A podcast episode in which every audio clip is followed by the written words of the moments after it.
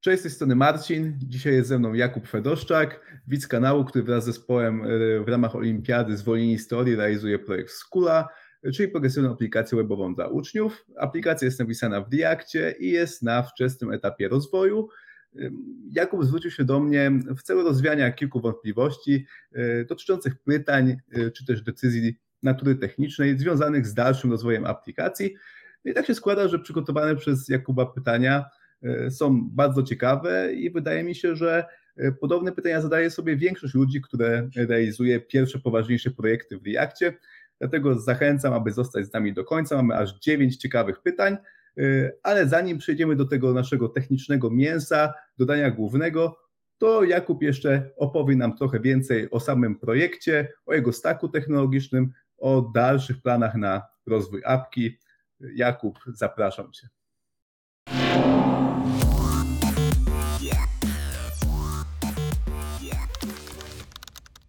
Tak, dzięki za wstęp. Y, a więc ja jestem Jakub, jak możecie przeczytać. Jestem jednym z dwóch frontend y, deweloperów właśnie aplikacji Skula. Tak jak Marcin już wspomniał, y, Skula to progresywna aplikacja webowa napisana w Reactie. Skierowana jest ona póki co do uczniów szkół średnich, no i pozwala ona na, my to nazywamy załatanie luki w systemie edukacji, jaką jest właśnie brak tworzenia prawdziwej, działającej, a przede wszystkim stworzonej i nadzorowanej przez uczniów społeczności szkolnej. Każda szkoła będzie miała swoją instancję tej aplikacji hostowaną przez nas, dzięki czemu uczniowie będą mogli jeszcze bardziej zacieśniać swoje relacje. W MVP, które wyjdzie pod koniec lutego, chcemy zamieścić takie rzeczy jak moduł poznawania ludzi o podobnych zainteresowaniach, spotet szkolne oraz tablice ogłoszeń. Na pewno nie będzie tam żadnego pracownika szkoły, więc wszystko jest stworzone od uczniów, dla uczniów, przez uczniów. No i właśnie dla nas było najważniejsze to, że chcemy odizolować uczniów od dyrekcji i w tej aplikacji nie będzie miejsca na ani cenzurę, ani uwagi, a nad wszystkim będzie czuwać moderator, który będzie samorząd uczniowski.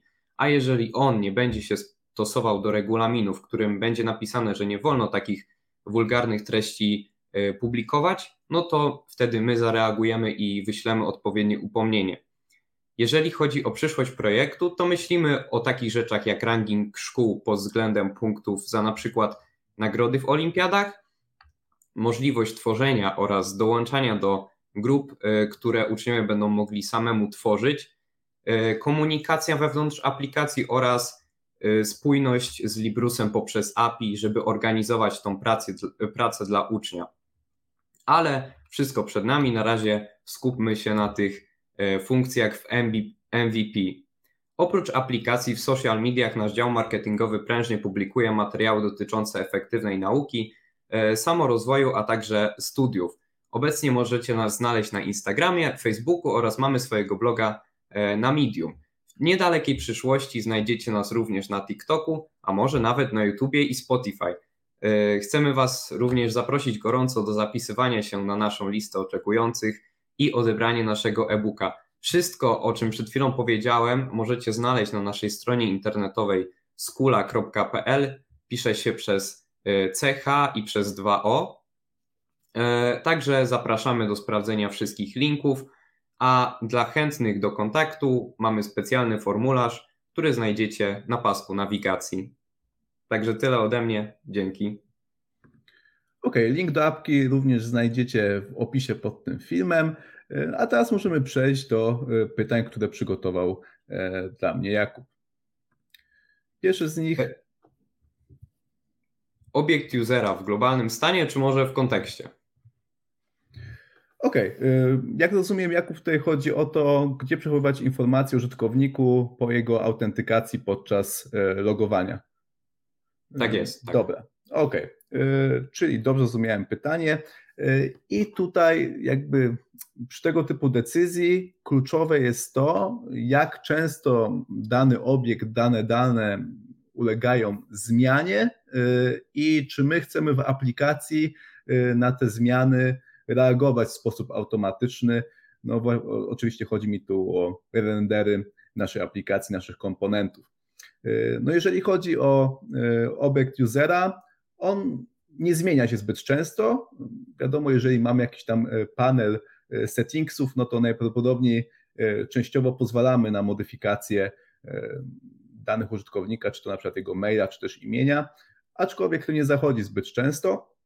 Stąd gdzieś tam trzymanie tych danych w obiekcie window wcale nie jest jakimś specjalnie złym pomysłem. E, dlaczego? Bo no jest to niesamowicie proste, e, nie wymaga to wprowadzania jakiejkolwiek złożoności do naszej aplikacji, e, nie musimy też się martwić, jak w przypadku kontekstu, jakimś wpływem, wpływem na wydajność, no bo wiadomo, jeżeli coś tam mutujemy w tym naszym kontekście, no to wiąże się to z renderem komponentów, które gdzieś tam nasłuchują na ten kontekst, no a jeżeli będzie to user, no to tak naprawdę będziemy musieli tego naszego providera umieścić e, na samym szczycie e, naszego drzewa komponentów, no bo najprawdopodobniej cała aplikacja albo jakieś różne po prostu elementy, e, różne gałęzi będą potrzebowały od czasu do czasu dostępu do tego obiektu, czy to żeby za pomocą jakiegoś tam ID-ka o coś zapytać na serwerze i tak dalej, i tak dalej.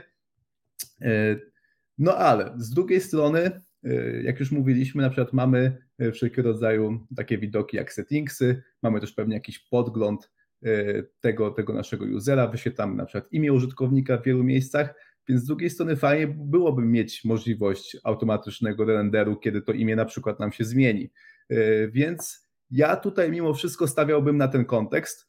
To chyba będzie, będzie po prostu łatwiejsze w utrzymaniu. Z tego, co widziałem w kodzie aplikacji, z kontekstu i tak już korzystacie, y, więc tak, tak. Jakby to nie będzie tak naprawdę dużej dodatkowej złożoności, no bo ta złożoność by głównie się pojawia na poziomie, czy my w ogóle korzystamy z kontekstu. Jeżeli już korzystamy, no to, y, no to i tak musimy rozumieć, jak ten kontekst działa, więc tutaj dodatkowy koszt nie będzie wysoki. No plus mamy, mamy te wszystkie korzyści związane z tym, że, że aplikacja będzie na te zmiany w userze reagowała, plus jakby problemów z wydajnością bym się nie obawiał, bo te zmiany będą tak rzadkie, plus wasza aplikacja no, jest typowym crudem, przynajmniej póki co i raczej tak będzie z tego, co opowiadałeś, więc tutaj również jakby ten aspekt wydajności, no to nie jest coś, czym bym się jakoś szczególnie przejmował. Super. W takim razie już wiemy, co trafi na naszą E, listę rzeczy do zrobienia jako pierwsze. No i myślę, że możemy przejść do drugiego pytaj, e, pytania, którym jest, jak to z tymi testami na froncie? E, czy powinniśmy właśnie nimi pokrywać to 90-100%, które jest sugerowane zawsze?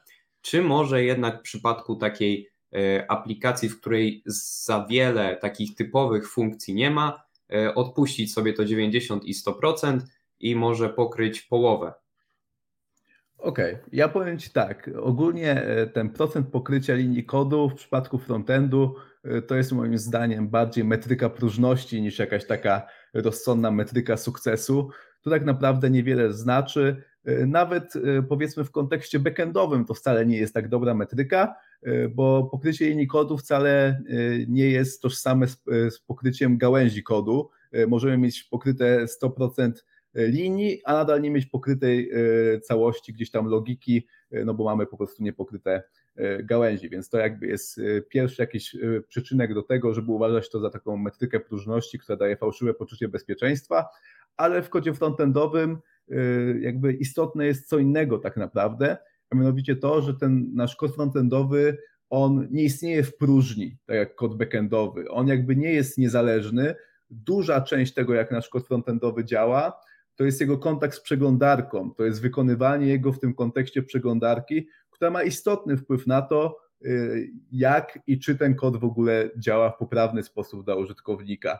Y, więc y, stąd jakby mamy takie rozwiązania na przykład jak React Testing Library, które ma trochę inne podejście niż to klasyczne podejście takie backendowe, że, że każdą funkcję gdzieś tam po prostu ostro trzepiemy i sprawdzamy, czy ona na każdy możliwy sposób działa tak jak, tak, jak my tego chcemy, e, bo w przypadku kodu frontendowego e, to jest bardzo ciężkie w utrzymaniu i też, też po raz kolejny daje nam fałszywe poczucie bezpieczeństwa.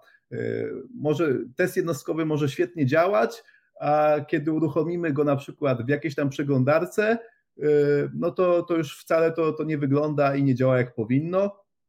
Więc po raz kolejny mamy takie fałszywe poczucie bezpieczeństwa, plus realnie nie mamy informacji o tym, czy ten kod będzie działał dobrze dla naszego użytkownika, a, a to, czy te wewnętrzne detale działają jak powinny, to w przypadku kodu frontendowego ma jakby drugorzędne znaczenie, plus jest po prostu niesamowicie ciężkie w utrzymaniu, bo te nasze frameworki frontendowe też się stosunkowo często zmieniają, więc tak samo biblioteki, w Reactie mamy dużo tych bibliotek, więc jeżeli coś tam się zdecydujemy na, na jakąś poważniejszą zmianę, to się może okazać, że połowa naszych testów idzie, idzie do kosza. Dlatego mamy takie coś jak React Testing Library, świetne rozwiązanie, które pomaga nam bardziej skupić się na tym właśnie, jak użytkownik korzysta z naszej aplikacji, więc nie testujemy jakiejś tam internali naszego batona, tylko sprawdzamy, czy można w niego kliknąć i czy to kliknięcie wywołuje jakby pożądaną przez nas interakcję. Więc co ja bym robił na, na waszym miejscu, to brał sobie każdy komponent i wypisywał scenariusz jakiejś interakcji, w jakie może wejść z nim użytkownik, taki kontrakt tego, tego komponentu i testowanie właśnie za pomocą React Testing Library tego, tego kontraktu, czy jakby te wszystkie interakcje, które powinny zostać poprawnie obsłużone, czy one cały czas są obsługiwane i to daje Wam duże poczucie bezpieczeństwa, że aplikacja działa jak należy, plus jeszcze jest to dużo tańsze w utrzymaniu, bo jest odporne na wewnętrzne zmiany w tym komponencie. Jeżeli nawet te wewnętrzne zmiany nie będą miały wpływu na, na to, jak, ten, jak te interakcje wyglądają, to, to mimo dużych zmian wewnątrz nie będziemy musieli nic z testami robić, one cały czas będą działały jak należy. I to jest świetne, więc nawet jeżeli zmienicie sobie jakąś bibliotekę, to może się okazać, że nic z testami nie trzeba robić, one cały czas działają. Więc to jest świetne podejście, więc kompletnie gdzieś tam bym się nie skupiał na tych liniach kodu, raczej bym się skupił na tym, żeby dokładnie zrozumieć, co komponent powinien robić i otestowanie tego właśnie kontraktu. Super, super. No to teraz trzecie, powiązane tak naprawdę pytanie. Czy na etapie MVP powinniśmy stosować właśnie testy integracyjne oraz end-to-end, czyli idziemy poziom wyżej? Zgadza się. Jakby nie patrzeć, tych pisanie testów e, w takiej no właśnie metodyce, jaką sugeruje React Testing Library, zapewni Wam solidny zestaw zarówno tych testów jednostkowych, ale również integracyjnych. E, tam jakby gdzieś tam e, ta linia się trochę zaciera, więc gdzieś tam testy integracyjne chcąc nie chcąc już będziecie mieli, więc zostaje tylko tematyka tych testów end-to-endowych i tutaj jak najbardziej polecam skorzystać z Cypressa, E, to jest świetny framework, bardzo łatwy gdzieś tam w użyciu. Nawet możecie tak naprawdę od niego zacząć. Z tego co widziałem, póki co tych testów nie macie, więc, więc nawet można gdzieś tam zacząć od testu integracyjnego end-to-endowego w Cypressie, który pokryje Wam jakiś happy path, jakąś ścieżkę po prostu interakcji użytkownika z Waszą aplikacją, na przykład proces logowania.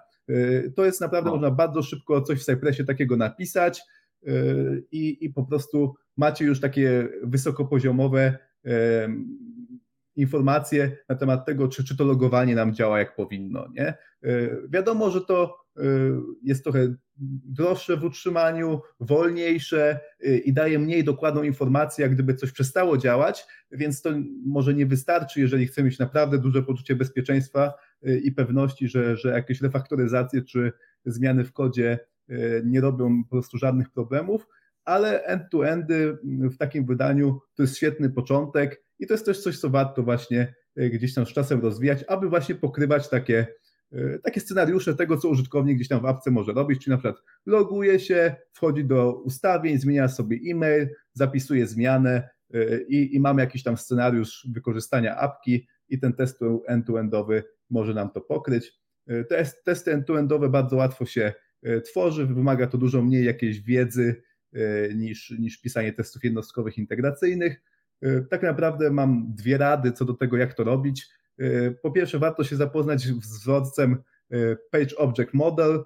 To jest po prostu bardzo prosty wzorzec, który pozwala oddzielić to, jak piszemy testy, jak, jak przygotowujemy te funkcje wykonujące konkretne akcje od struktury naszego HTML-a, dzięki czemu te testy po prostu też są tańsze w utrzymaniu, i zawierają mniej jakichś takich detali, przynajmniej na tym wyższym poziomie abstrakcji.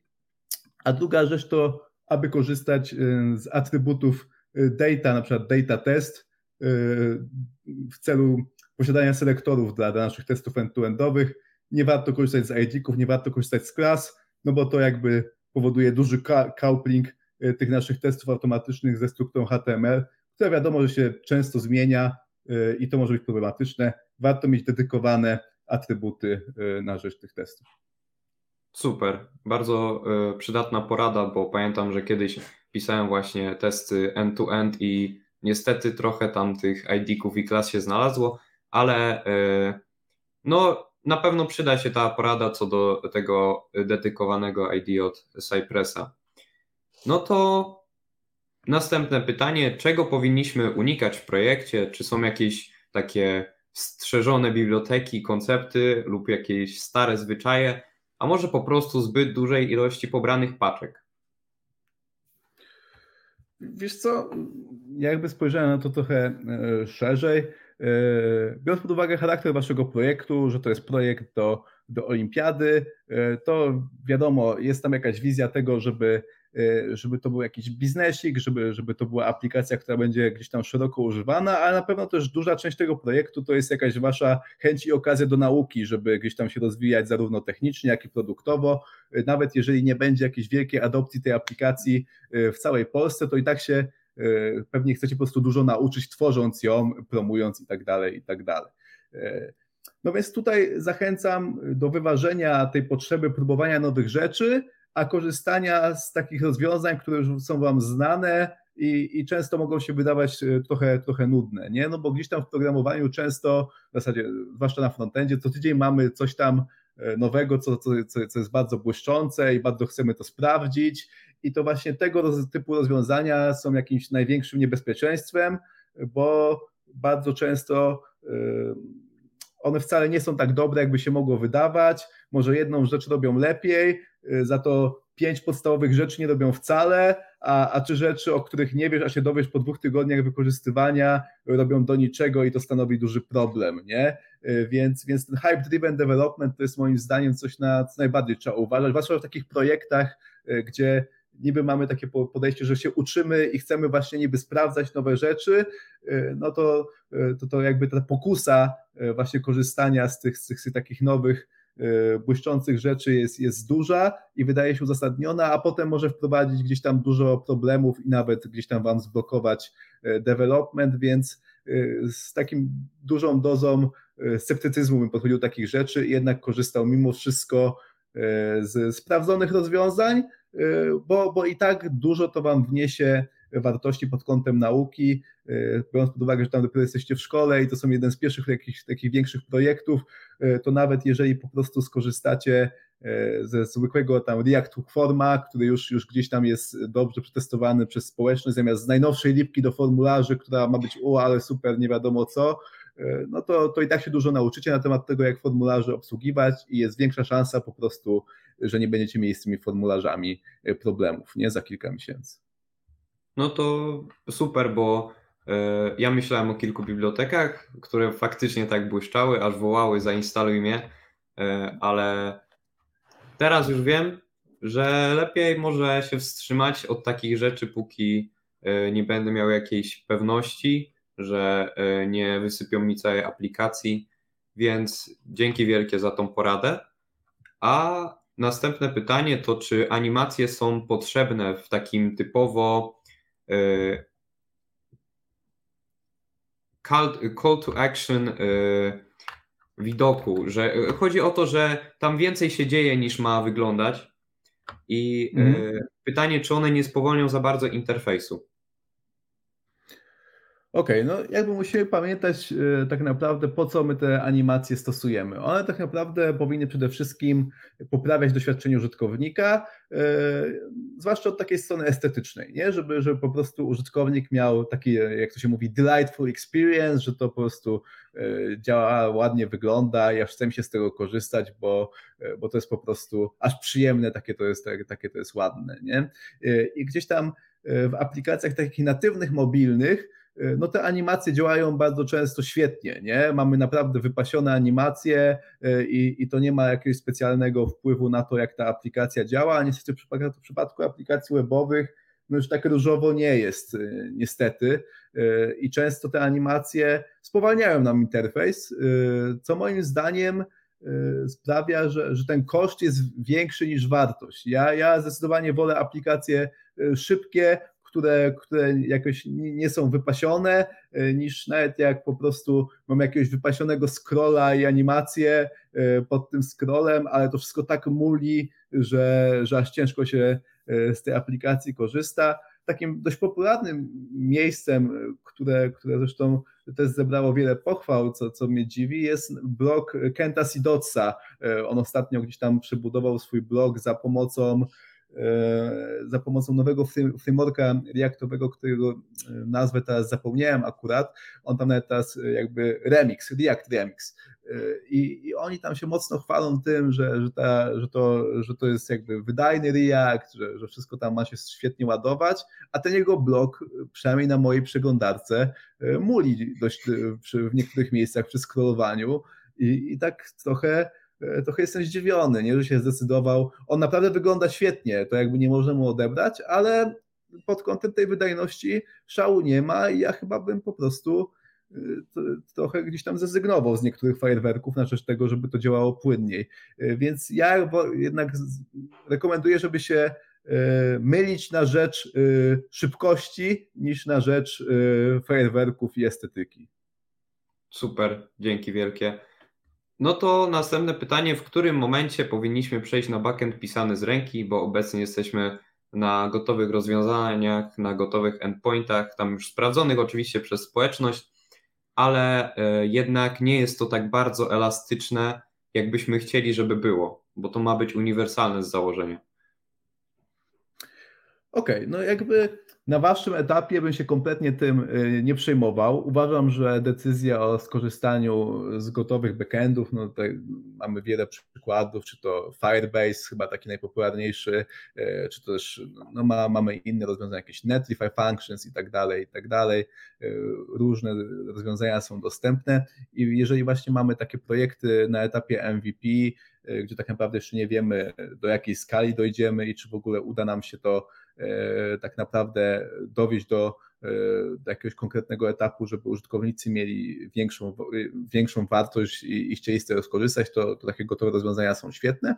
E, I tak naprawdę, dopóki nie spotkasz się z trzema problemami, to nie warto w ogóle o tym myśleć, żeby, żeby cokolwiek z tym robić. I te trzy problemy są takie, może być jakieś naprawdę istotne ograniczenie tego gotowego rozwiązania, które was naprawdę blokuje e, w obsłudze jakiejś logiki biznesowej i realnie naprawdę nie jesteście czegoś w stanie e, zrobić.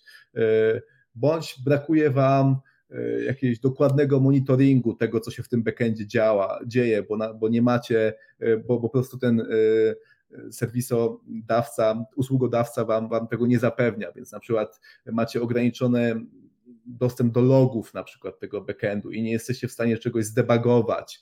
E, to jakby są tego typu problemy. Musicie czuć takie naprawdę e, ograniczenie, że nie jesteście w stanie czegoś robić, nie? E, dopóki to jest tylko takie ograniczenie na zasadzie o, a, a co jak będę chciał to, i, a ja tego nie mogę, no to się, to, to jakby, nie, jak macie realny problem, to, to, to wtedy będziecie dobrze o tym wiedzieli, że, że realnie po prostu trafiliście w ścianę, przez którą nie da się przebić.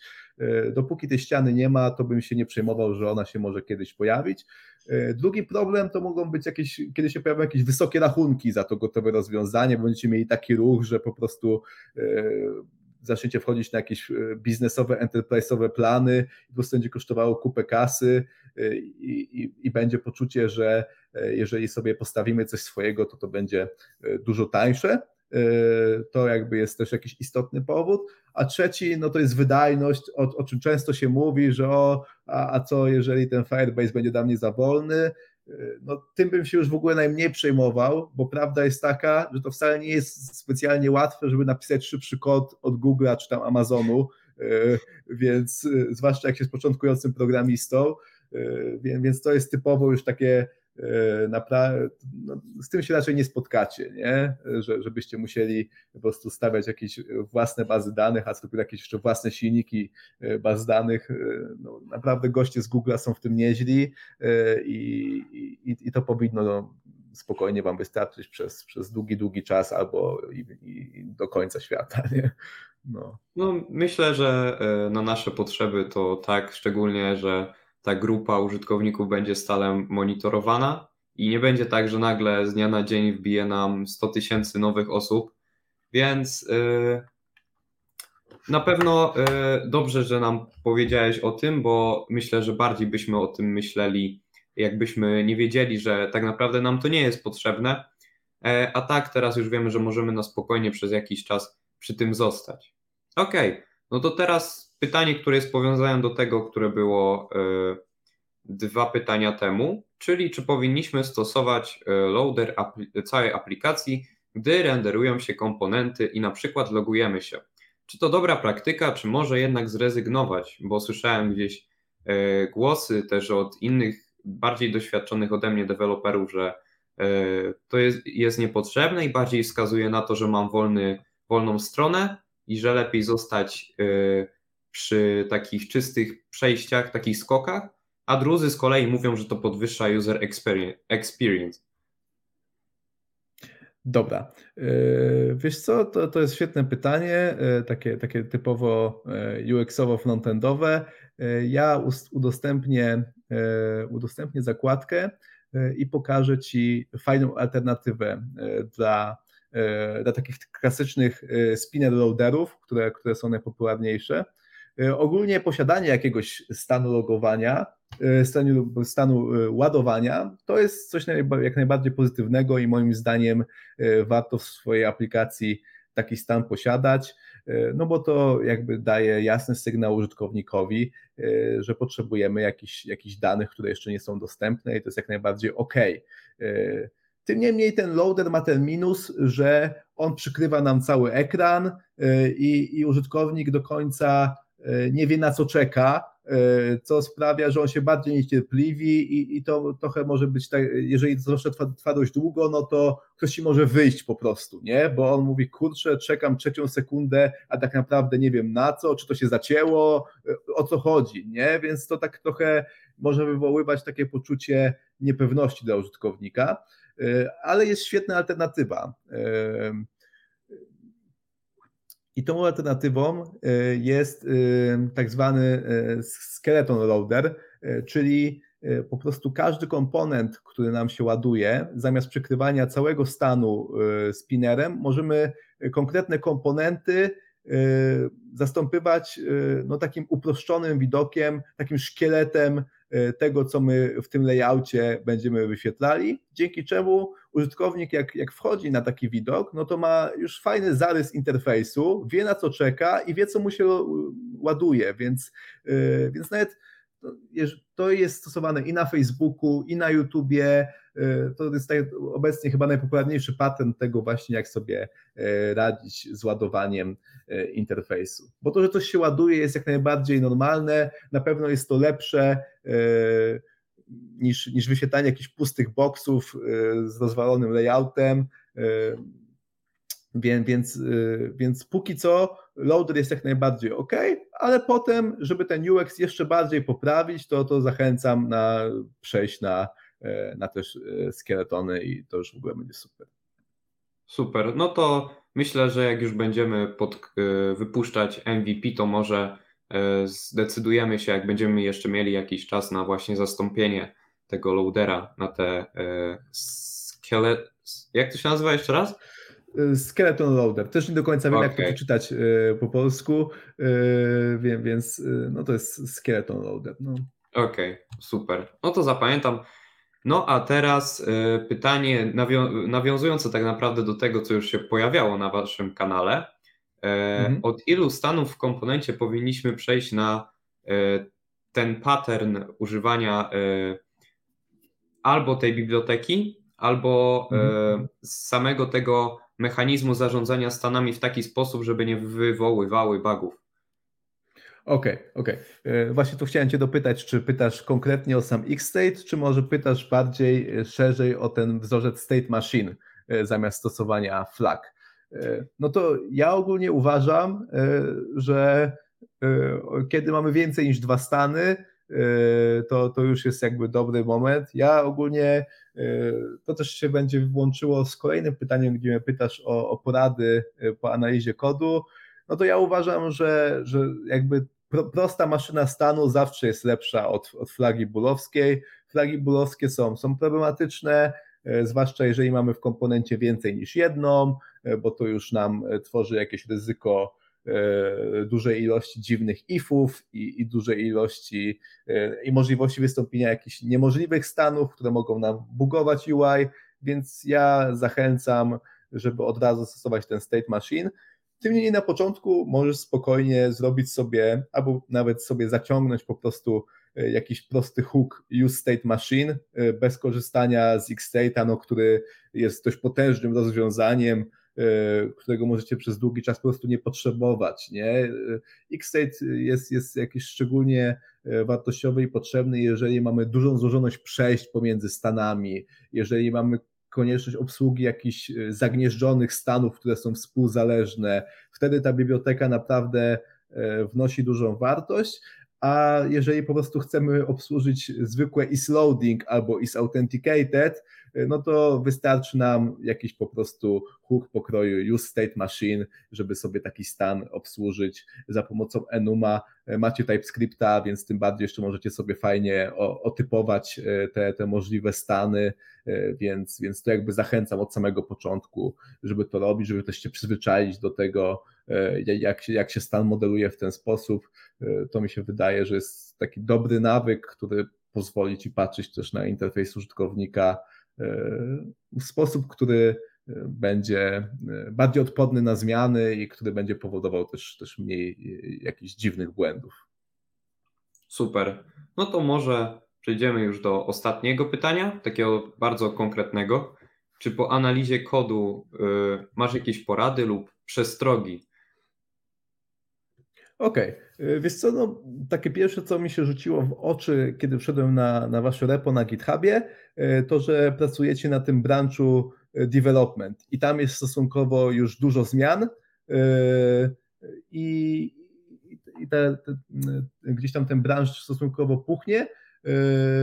Potem to zawsze tak, takie podejście się wiąże z tym, że będzie jakiś tam narzut pracy na merdżowanie tego do mastera, plus będziecie wypuszczali bardzo dużą ilość zmian kodu e, do użytkowników, nie? E, to jest, to jest e, gdzieś tam w świecie CI/CD zdecydowanie bardziej polecam takie feature branche, żebyś po prostu miał brancha, na którym pracujesz nad konkretną rzeczą, na przykład nad konkretnym bugiem albo nad konkretnym featurem i żeby ten feature branch potem bezpośrednio merge'ować do mastera, jeszcze fajnie gdzieś tam za pośrednictwem GitHub Actions sobie spiąć, żeby, e, żeby się wykonywały testy w ramach, w ramach takiego merge'owania tego feature brancha. Dzięki temu będziecie mieli częsty feedback e, tego, czy to, e, co merge'ujecie działa i też na bieżąco będziecie jakby dowozili wartość do użytkowników. Jeżeli na przykład nie chcecie, żeby coś było od razu dla usera dostępne, bo też tak może być, to po prostu warto się zapoznać z czymś takim jak feature flagi, czyli y, w kodzie gdzieś tam umieszczamy po prostu tak na świecie proste ify, które decydują o tym, y, czy dany user coś widzi, czy nie, y, więc tutaj zachęcam do zapoznania się z feature flagami, chociaż myślę, że na etapie MVP to nie jest coś, czym się musicie specjalnie przejmować, tylko śmiało możecie do tego mastera często się merge'ować, bo tak jak mówię, to są częstsze testy, y, to, to jest częstsze dowożenie wartości, y, skracanie tego feedbacku, y, plus też mniejszy narzut pracy przy integracji kodu. Nie? Więc, więc to, jest, to jest jedna rzecz. Druga rzecz, o której już wspominałem przed chwilą, to jest unikanie flag i stosowanie tego state machine patternu. Trzecia rzecz, o której często się zapomina, zwłaszcza na początku, albo zapomina, albo nawet i nie wie, i też nie ma w tym nic specjalnie złego, E, to jest pamiętanie o bezpieczeństwie, e, czyli e, jeżeli przyjmujemy jakiś input od użytkownika, czy to właśnie w settingsach, gdzie ktoś może ustawić sobie imię albo jakiś swój opis, to trzeba pamiętać, żeby sanityzować te, to, co przychodzi od użytkownika, zanim to zapiszemy gdzieś tam w tym naszym w backendzie bez bazie danych. React daje co prawda takie, taką podstawową ochronę, jeżeli potem będziemy coś wyświetlali, no to, no to on gdzieś tam nam wyescape'uje to, ale to, to nie jest w pełni gdzieś tam E, to nie daje nam pełni bezpieczeństwa, bo jeżeli przekażemy takie dane do propsów, na przykład gdzieś tam do atrybutu href w tym naszym anchor tagu, czy do src w image, to już tej ochrony nie mamy, nie? Więc, więc ja mimo wszystko zapiąłbym sobie jakieś funkcje sanityzujące przed zapisywaniem czego, czegokolwiek do bazy danych, również podczas odczytu, zwłaszcza takiego tekstu, który może być HTML-em, no to też bym jeszcze przed odczytem również to e, czyścił. Nie? E, tu w przypadku bezpieczeństwa zdecydowanie lepiej e, się mylić na korzyść tego, że jesteśmy z, z, jakby zbyt dużo robimy zachodu wokół tego niż za mało, no bo, no bo nie chcemy po prostu pozwolić na jakieś wycieki danych, czy też no w ogóle narażanie naszych użytkowników, więc, więc warto gdzieś tam o tych XSS-ach, ogólnie o tych atakach, atakach cross-site scripting, które są szczególnie istotne na frontendzie, poczytać. No i a taką podstawową tak naprawdę ochroną przed tym jest właśnie sanityzacja, nie? E, więc to jest coś, e, co jest niesamowicie istotne. I tutaj jeszcze może ostatnia porada, która nie jest tak naprawdę techniczna i związana z tym, jak wygląda wasz kod, bo kod wygląda ok, tam jakichś większych zastrzeżeń nie mam, wszystko moim zdaniem idzie w dobrym kierunku.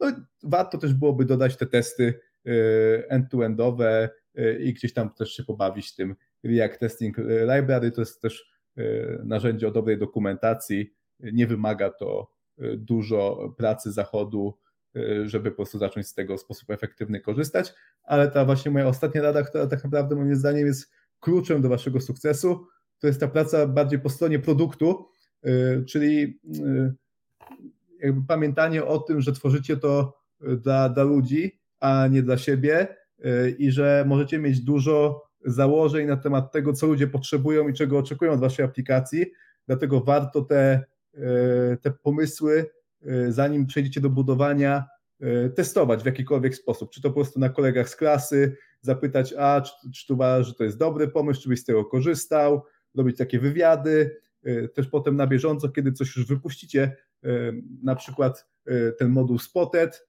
no to testowanie, czy ludzie faktycznie e, z tego korzystają. To można robić za pomocą e, śledzenia aktywności w, za pomocą takich narzędzi jak Google Analytics, poprzez eventy, można podpiąć jakiegoś hotjara, który śledzi, kto tam robi myszką, wtedy też możecie zauważyć, że może ludzie się zacinają w pewnym momencie, nie wiedzą co zrobić. Jakby trzeba pamiętać, że to budowanie i te nasze założenia, no to Y, często jest y, proces taki, nam się wydaje, że coś jest w oczywisty sposób potrzebne, y, a, a wcale nie jest. Nie? I poświęcimy potem miesiąc pracy nad czymś, z, czego nikt nie będzie korzystał. Nie? Albo też się może, a potem też może się okazać, że sam pomysł był dobry, tylko jest jakiś mały problem w wykonaniu, nie? że jest na przykład, że ktoś czegoś nie rozumie i połowa użytkowników po prostu nie wie, co ma zrobić. Nie? Więc musimy po prostu widzieć. Nie? Musimy na przykład widzieć, że ktoś wszedł na stronę, ale potem żaden event związany z call to action nie, nie został wykonany, nie? Więc to tak jakby daje nam sygnał, że ludzie nie wiedzą, co mają zrobić, nie? Y, więc, więc warto tą adopcję tak zwaną y, śledzić i, i po prostu rozumieć, co po tej stronie użytkownika się dzieje, bo, bo my mamy świetny wgląd w to, jak aplikacja działa, wszystko jest dla nas mega oczywiste, y, ty znasz po prostu ten, ten interfejs na wylot, a, a potem po prostu jak zobaczysz, jak twój kolega będzie na to klikał, to mówisz, ja pierniczę, jak to jest możliwe, że on tego nie rozumie, nie? No ale no niestety to jest ta klątwa bycia programistą, który po prostu system sam zbudował i bardzo dobrze go rozumie i to już często wcale się nie, nie przekłada tak samo na to, jakie doświadczenie ma użytkownik. No i też warto prosić ich o feedback w taki sposób zautomatyzowany, ilościowy, na przykład wyświetlając jakiś formularz NPS, E, czy poleciłbyś tą aplikację swojej koledze, koleżance z klasy od 1 do 10. To jest też jakiś taki po prostu szybki, łatwy sposób, e, żeby na bieżąco zbierać dane, może które nie będą jakieś turbo dokładne, nie dadzą Wam świetnego inputu na temat tego, co im się konkretnie podoba, a co nie, ale będziecie mieli jakiś sygnał, czy, czy taki ogólny sentyment wobec aplikacji jest pozytywny czy negatywny i jak on się zmienia w czasie. Więc NPS to jest warto, coś, co warto śledzić i to jest po prostu łatwe. Łatwo to śledzić, wystarczy jeden prosty formularz no i też warto, żeby w ogóle mieć takie produktowe spojrzenie na, na wytwarzanie oprogramowania. No to jest kilka fajnych książek, gdzie można zdobyć tą wiedzę. Ja mogę Ci powiedzieć trzy. Pierwsza z nich to jest Metoda Lean Startup. To jest jakiś taki absolutny klasyk, który to, co wszystko powiedziałem, świetnie tłumaczy, szerzej i głębiej. Bardzo też to jest jakieś proste i przyjemne w odbiorze, więc, więc polecam. I są dwie takie książki, które wchodzą trochę głębiej i może powiedzmy na bardziej profesjonalnym poziomie. To jest Inspired i Empowered. To są dwie książki, jakby dwie części napisane przez Mattiego Kagana. No to też jakby wszyscy ludzie tworzący aplikacje w Dolinie Krzemowej gdzieś tam nad tymi książkami się wręcz modlą, pochylają.